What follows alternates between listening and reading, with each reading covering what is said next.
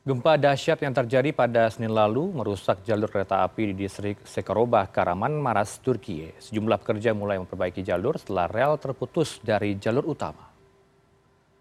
Perbaikan jalur sementara telah dilakukan sejumlah pekerja saat seluruh layanan kereta api dibatalkan akibat gempa bumi yang melanda. Sekitar 40 persen bangunan di kota Karaman, Maras, Turki yang menjadi pusat gempa dilaporkan mengalami kerusakan pasca gempa pada Senin lalu. Ratusan ribu orang tidak hanya kehilangan tempat tinggal, tapi juga sanak saudara mereka.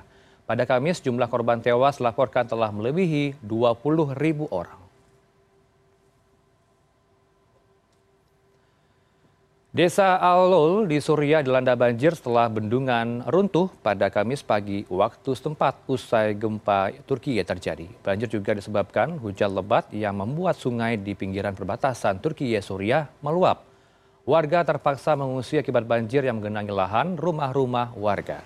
Gempa tersebut sejauh ini telah menewaskan ribuan orang di Suriah yang masih hancur akibat peperangan selama satu dekade ini.